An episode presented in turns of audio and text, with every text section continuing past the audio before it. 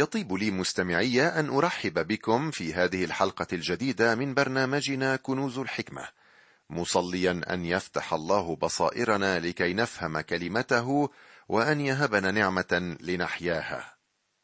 نبدأ اليوم تأملاتنا في الأصحاح الثامن من سفر التكوين وذلك ضمن حديثنا عن كارثة الطوفان التي حلت بالأرض نتيجة عصيان الناس وفسادهم.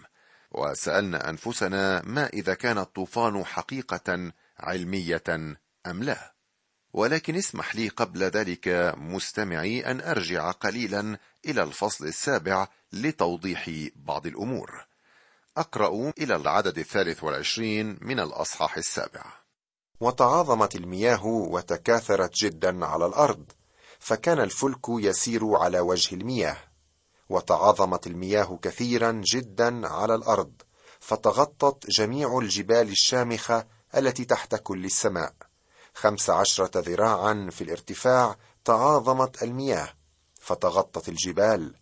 فمات كل ذي جسد كان يدب على الأرض من الطيور والبهائم والوحوش وكل الزحفات التي كانت تزحف على الأرض وجميع الناس. كل ما في أنفه نسمة روح حياة من كل ما في اليابسه مات فمحى الله كل قائم كان على وجه الأرض الناس والبهائم والدبابات وطيور السماء فانمحت من الأرض وتبقى نوح والذين معه في الفلك فقط. الطوفان حقيقة شئنا أم ابينا ويجب أن نقبلها كما هي من الكتاب المقدس. للأسف هناك من يحرف هذه الحقيقة بتفسيرات لا أساس لها من الصحة الكتابية.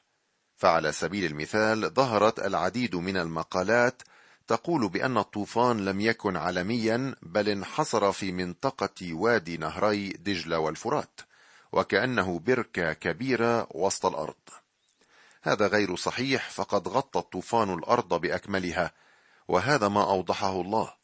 قال نهاية كل بشر قد أتت أمامي لأن الأرض امتلأت ظلما منهم فها أنا مهلكهم مع الأرض. وإذا قلت إن الطوفان غطى جزءا معينا من الأرض فهذا يعني أن أناسا آخرين غير نوح ابتدأوا العائلات البشرية من جديد. ولكن كلمة الله لا تقول لنا ذلك. نوح هو الذي ابتدأ النسل البشري الجديد. إن القول بأن الطوفان كان جزئيا على الأرض لهو رفض لكلمة الله وتناقض معها. كما يوجد من يقول إن الجبل الذي استقر عليه الفلك من أعلى الجبال ولا يوجد فيضان يغطي الجبال العالية. ولكن كما يقول بطرس العالم الكائن حينئذ فاض عليه الماء فهلك.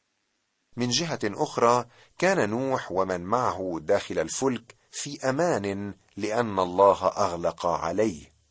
لم يهتم باللجج والتيارات والعواصف من حوله لأنه كان امنا في الفلك كان في حراسة الله لأن اليد التي فتحت طاقات السماء وفجرت ينابيع الغمر هي نفسها التي أغلقت الباب على نوح وهكذا المؤمن لا يستطيع أن يمسه شيء إذا كان قد التجأ إلى الصليب. وتعاظمت المياه على الأرض مائة وخمسين يوما أي حوالي خمسة أشهر. لقد نفذ الله مواعيده وأتم كلمة القضاء. الطوفان يعلمنا عدة دروس منها أن الله فعلا موجود ويسود على كل الأرض ويتمم أقواله. كما أنه طويل الروح والأناة.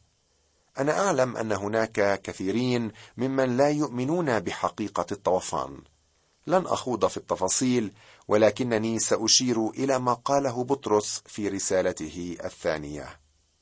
عالمين هذا اولا أنه سيأتي في آخر الأيام قوم مستهزئون سالكين بحسب شهوات أنفسهم وقائلين أين هو موعد مجيئه لأنه من حين رقد الآباء كل شيء باق هكذا من بدء الخليقة. والمستهزئ هو الذي لا يؤمن بالطوفان. لا يمكنك أن تكون كذلك وتتمسك في كلمة الله. تذكر يا أخي أنه سيأتي يوم ويغلق باب الرحمة تماما كما أغلق باب الفلك على الذين عاشوا في الدنيا وكأنهم خالدون ونسوا أنه يوجد ميعاد للحساب. تعال وادخل من الباب الذي هو المسيح. أرجوك يا صديقي. قبل أن نخوض في الأصحاح الثامن لا بد من قراءة بعض الآيات منه. لم لا تفتح معنا كتابك المقدس مستمعي لتتابع قراءة الآيات مع الأخت ميسون. أرجو أن تقرأ لنا يا ميسون من بداية الأصحاح الثامن وحتى العدد الثاني عشر. ثم ذكر الله نوحا وكل الوحوش وكل البهائم التي معه في الفلك وأجاز الله ريحا على الأرض فهدأت المياه. وانسدت ينابيع الغمر وطاقات السماء فامتنع المطر من السماء. ورجعت المياه عن الأرض رجوعا متواليا. وبعد مئة وخمسين يوما نقصت المياه واستقر الفلك في الشهر السابع في اليوم السابع عشر من الشهر على جبال أرارات. وكانت المياه تنقص نقصا متواليا إلى الشهر العاشر وفي العاشر في أول الشهر ظهرت رؤوس الجبال. وحدث بعد أربعين يوما أن نوحا فتح طاقة الفلك التي كان قد عملها وأرسل الغراب فخرج مترددا حتى نشفت المياه عن الأرض. ثم أرسل الحمام من عنده ليرى هل قلت المياه عن وجه الأرض. فلم تجد الحمامة مقرا لرجلها فرجعت إليه إلى الفلك لأن مياها كانت على وجه كل الأرض. فمد يده وأخذها وأدخلها عنده إلى الفلك. فلبث أيضا سبعة أيام أخر وعاد فأرسل الحمام من الفلك. فأتت إليه الحمامة عند المساء وإذا ورقة زيتون خضراء في فمها. فعلم نوح أن المياه قد قلت عن الأرض. فلبث أيضا سبعة أيام أخر وأرسل الحمامة فلم تعد ترجع إليه أيضا. وهكذا تطهرت الأرض بدينونة الطوفان من شرور العالم القديم. لا نجد في سفر التكوين الحديث عن تكون الطوفان فحسب بل وعن انتشاره ثم انحساره. ثم ذكر الله نوحا وكل الوحوش وكل البهائم التي معه في الفلك وأجاز الله ريحا على الأرض فهدأت المياه. إنه الإله الرحيم الذي لا ينسى أولاده. ذكرهم وأمر بالريح وأشرق بالشمس على الأرض الواقعة تحت الدينونة. والدينونة هي عمل الله غير العادي لأنه لا يسر بالدينونة وإنما يتمجد بها لكنه يسر بالرحمة. طبعا لم ينتهي الطوفان في ليلة وضحاها لقد تطلب الأمر لتكوين الطوفان مدة مئة وخمسين يوما ولانحساره مدة مئتين وواحد وستين يوما. فعلا كان ذلك طوفانا كونيا. وانسدت ينابيع الغمر وطاقات السماء فامتنع المطر من السماء ورجعت المياه عن الأرض رجوعا متواليا. وبعد مائه وخمسين يوما نقصت المياه واستقر الفلك في الشهر السابع في اليوم السابع عشر من الشهر على جبال أرارات. ويستقر الفلك على جبل على أساس مرتفع كما نرى من معنى أرارات الذي هو الأرض العالية المقدسة. هذا هو الأساس الذي يستقر عليه المؤمن. وكانت المياه تنقص نقصا متواليا إلى الشهر العاشر. وفي العاشر من أول الشهر ظهرت رؤوس الجبال وحدث من بعد أربعين يوما أن نوحا فتح طاقة الفلك التي كان قد عملها. يمكننا القول إن هذه بداية نهاية الطوفان. كان على نوح أن يتخذ إجراءات إيمان وتدريب على الاتكال والثقة خلال فترة أربعين يوما. لاحظ ماذا فعل نوح. وأرسل الغراب فخرج مترددا حتى نشفت المياه عن الأرض ثم أرسل الحمام من عنده ليرى هل قلت المياه عن وجه الأرض. أصبح نوح مراقبا للطيور. هذا ما يظهر لنا ولكن في الواقع يوجد دروس عظيمة لنا من إرسال الغراب والحمامة كما سنرى لاحقا. نتابع القراءة من العدد التاسع. فلم تجد الحمامة مقرا لرجلها. فرجعت إليه إلى الفلك لأن مياها كانت على وجه كل الأرض فمد يده وأخذها وأدخلها عنده إلى الفلك فلبث أيضا سبعة أيام أخر وعاد فأرسل الحمام من الفلك فأتت إليه الحمامة عند المساء وإذا ورقة زيتون خضراء في فمها فعلم نوح أن المياه قد قلت عن الأرض فلبث أيضا سبعة أيام أخر وأرسل الحمامه فلم تعد ترجع إليه أيضا. صديقي المستمع أرجو أن تنتبه إلى حقيقة روحية عظمى موجودة في هذا الأصحاح حول الغراب والحمامه بعدما امضى نوح سنه كاملة في الفلك أرسل غرابا ولم يعد الغراب. أما الحمامه فقد استمرت بالانطلاق والعودة بل وأحضرت معها ورقة زيتون خضراء. لا أعرف لماذا ترمز الحمامه الحامله لورقة الزيتون إلى السلام ولكنها كذلك. في الواقع رجوع الحمامه ومعها ورقة الزيتون لم يكن علامة السلام وانتهاء الدينونة بل عدم رجوعها لأنه حينئذ تحقق نوح من أن الطوفان قد انتهى كليا. كانت الحياة ستبدأ من جديد على وجه الأرض. هل تعتقد أن الوضع قد تحسن عما كان عليه قبل الطوفان؟ للأسف كلا. هناك درس كبير أود أن نتعلمه معا أخي المستمع. كما قلت سابقا عندما هدأت المياه أصبح نوح مراقبا للطيور. أرسل الغراب ولكن الغراب لم يرجع. لماذا؟ لأن الغراب يتغذى على اللحم الميت الفاسد. وقد كانت جثث الحيوانات منتشرة في كل مكان الأمر المغري بالنسبة للغراب فلم يرجع. وبالمناسبة كان الغراب يصنف من الحيوانات النجسة. أما الحمامة فقد كانت من الحيوانات الطاهرة وقد عادت بالمعلومات اللازمة لنوح. في رحلتها الثانية ومعها ورقة الزيتون فهم نوح أن معالم الأرض بدأت تظهر والمياه تنحسر. وفي المرحلة الثالثة تحقق نوح أن مياه الدينونة قد زالت كليا. قلت سابقا أن كل الحقائق العظمى في الكتاب المقدس وثيقة الصلة بسفر التكوين. يعلمنا الكتاب أن الإنسان المؤمن يملك طبيعتين طبيعة قديمة وأخرى جديدة. يقول بولس اذا إن كان أحد في المسيح فهو خليقة جديدة. الأشياء العتيقة قد مضت هو ذا الكل قد صار جديدا النجس والطاهر معا. قال الرب المولود من الجسد جسد هو والمولود من الروح هو روح. أما بولس فقد ذكر فإني أعلم أنه ليس ساكن في أي في جسدي شيء صالح لأن الإرادة حاضرة عندي وأما أن أفعل الحسن فلست أجد. وقد تحدث بولس عن صراع بين الطبيعتين وهو ما نعاني منه اليوم كمؤمنين. ذهب الغراب إلى عالم مدان ولكنه وجد وليمته في الفساد والجثث ليتغذى ويستلذ. والغراب صورة للطبيعة القديمة التي فينا والتي تحب أشياء العالم وتتغذى عليها. لهذا السبب مثلا نجد الناس يفضلون الذهاب إلى الرحلات ومشاهدة التلفزيون بدلا من الذهاب إلى الكنيسة أيام الاحاد إنها الطبيعة القديمة التي تطلب ذلك وللأسف نحن نعطيها مبتغاها في معظم الأحيان. أما الحمامة الطاهرة فقد ذهبت هي أيضا إلى العالم المدان ولكنها لم تجد راحتها فعادت إلى الفلك. والحمامة تشير إلى المؤمن في العالم إلى الطبيعة الجديدة.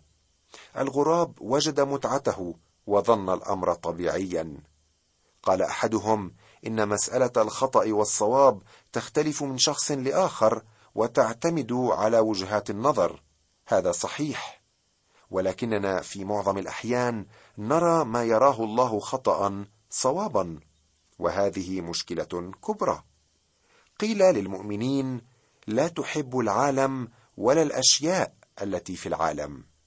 واليوم يا صديقي نحن نعيش في عالم مدان. نحن في العالم ولكننا لسنا من هذا العالم. يمكننا استخدامه على ألا نسيء استخدامه.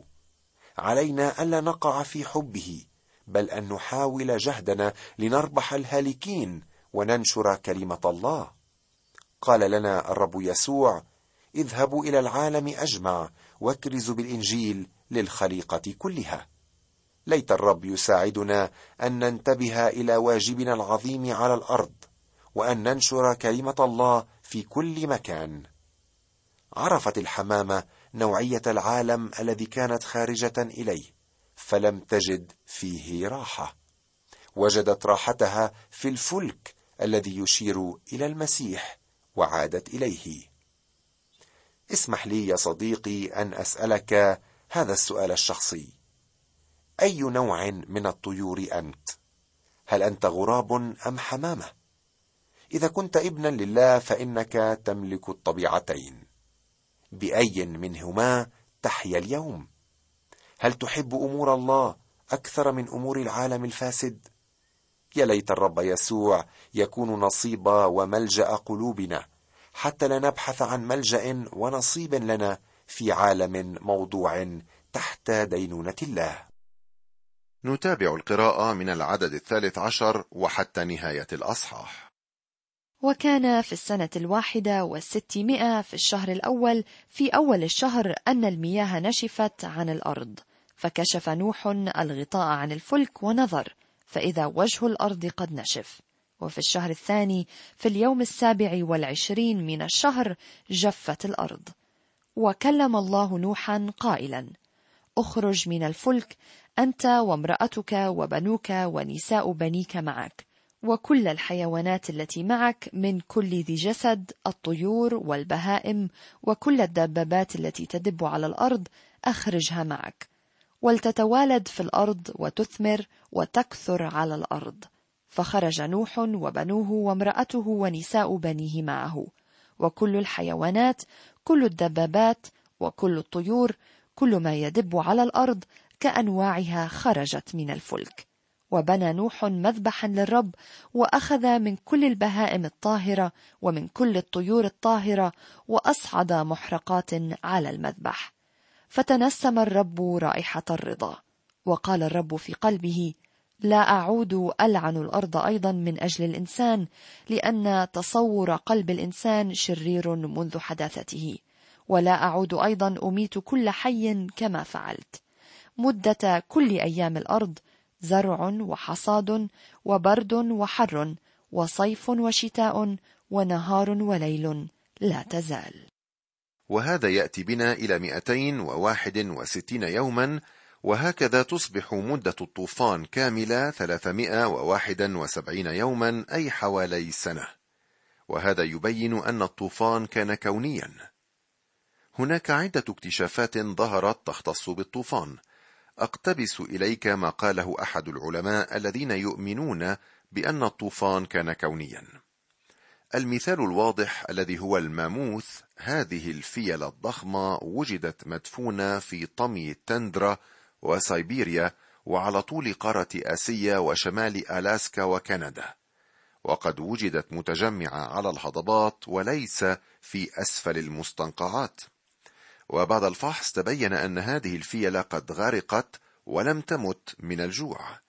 نعم الطوفان كان عالميا وليس في بقعة معينة من الأرض. نقرأ من العدد الثامن عشر. فخرج نوح وبنوه وامرأته ونساء بنيه معه وكل الحيوانات وكل الدبابات وكل الطيور كل ما يدب على الأرض كأنواعها خرجت من الفلك. قبل الطوفان قال له الله ادخل إلى الفلك والآن يقول له اخرج من الفلك. والآن يريد الله أن يصنع عهدا مع نوح عهدا غاية في الأهمية. ليس مع نوح فقط بل مع كل العائلة البشرية على وجه الأرض اليوم. وبنى نوح مذبحا للرب وأخذ من كل البهائم الطاهرة ومن كل الطيور الطاهرة وأصعد محرقات على المذبح. هذا هو السبب الذي من أجله أخذ نوح سبعة من الحيوانات الطاهرة واثنين من النجسة. أراد أن يقدم ذبيحة للرب. كان أول عمل عمله نوح أنه بنى مذبحا وقدم عليه ذبيحة محرقة للرب. هذه الذبيحة يا صديقي تحكي عن الرب يسوع. وقد قدمت على أساس القبول أمام الله والتسبيح لله اعترافا بشخصه. وهذا الشيء أبهج قلب الله. فتنسم الرب رائحة الرضا وقال الرب في قلبه لا أعود ألعن الأرض أيضا من أجل الإنسان لأن تصور قلب الإنسان شرير منذ حداثته ولا أعود أيضا أميت كل حي كما فعلت. ما هي تصورات قلبك مستمعي؟ هل هي شريرة؟ هل هي كذلك منذ حداثتك؟ واليوم لا نرى في المجتمعات سوى تمرد الأحداث. لقد اتخذوا هذا المسلك الشرير وهم لا يحيدون عنه. بل إن الوضع يزداد سوءا. مدة كل أيام الأرض زرع وحصاد وبرد وحر وصيف وشتاء ونهار وليل لا تزال. يقال أن الطوفان كان شديدا لدرجة أنه أمال الأرض. وكما تعلم أخي العزيز أن الأرض ليست مستقيمة في محورها. هناك ميلان. المركز المغناطيسي للأرض يختلف عن المركز الذي ندور فيه. لقد حدث شيء غيره والاعتقاد السائد أنه الطوفان. وبسبب دوران الأرض هذا يوجد تعاقب الفصول الأربعة. والآن أيها المستمع العزيز ألا تلاحظ معي درسا هاما نستخلصه من حياة نوح؟ قبل الطوفان طلب منه الله أن يبني الفلك ثم يدخل إليه وأطاع نوح وكان في طاعته خلاص له ولعائلته. وبعد الطوفان أطاع نوح بخروجه من الفلك إلى العالم الجديد ثم عبر عن تقديره وعبادته لله بأن بنى مذبحا. أجل يا أخي القلب المطيع هو قلب عابد. هو قلب يقدر قيمة سيده فيعبده ويتغنى به. كان بإمكانه أن يعبد الفلك الذي حماه لو أنه لم يفهم فكر الله. ولكن نوح كان على علاقة حميمة مع الرب. كان قريبا منه وفاهما مشيئته ومقاصده. وعندئذ فقط استطاع أن يعبده هو وليس الفلك. نعم متى حاد القلب عن حق الله نفسه ضل إلى العبادة الوثنية والفرائض والطقوس البالية التي لها أقل تأثير على علاقة القلب بعمل المسيح. أتركك هنا صديقي وإلى اللقاء.